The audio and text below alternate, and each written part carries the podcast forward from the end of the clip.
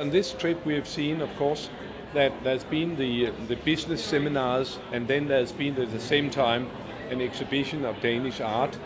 But also, we've seen in the in the halls where we were meeting, we've seen uh, sculptures and and video installations integrated in the venues. I thought that was a very nice way of showing that Denmark is more than milk and cows and, and, and Maersk and, and containers. But there's this question about business and art and how uh, is it integrate whatever. I think it's interesting that we shall uh, not look at art and business as two closed boxes because there's a lot of overlap. Among the business people were uh, landscape architects, architects, and I myself is a city planner.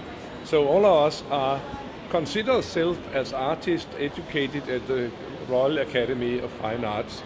Um, and we are here as businessmen and, and as artists to sell projects to improve the export of Danish uh, artistic expressions, Danish architecture planning, and so on. And I think it's important that the in the business seminar that Denmark is introduced broadly.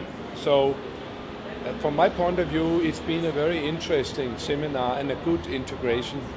I don't see the boxes; I see the um, the combinations much more.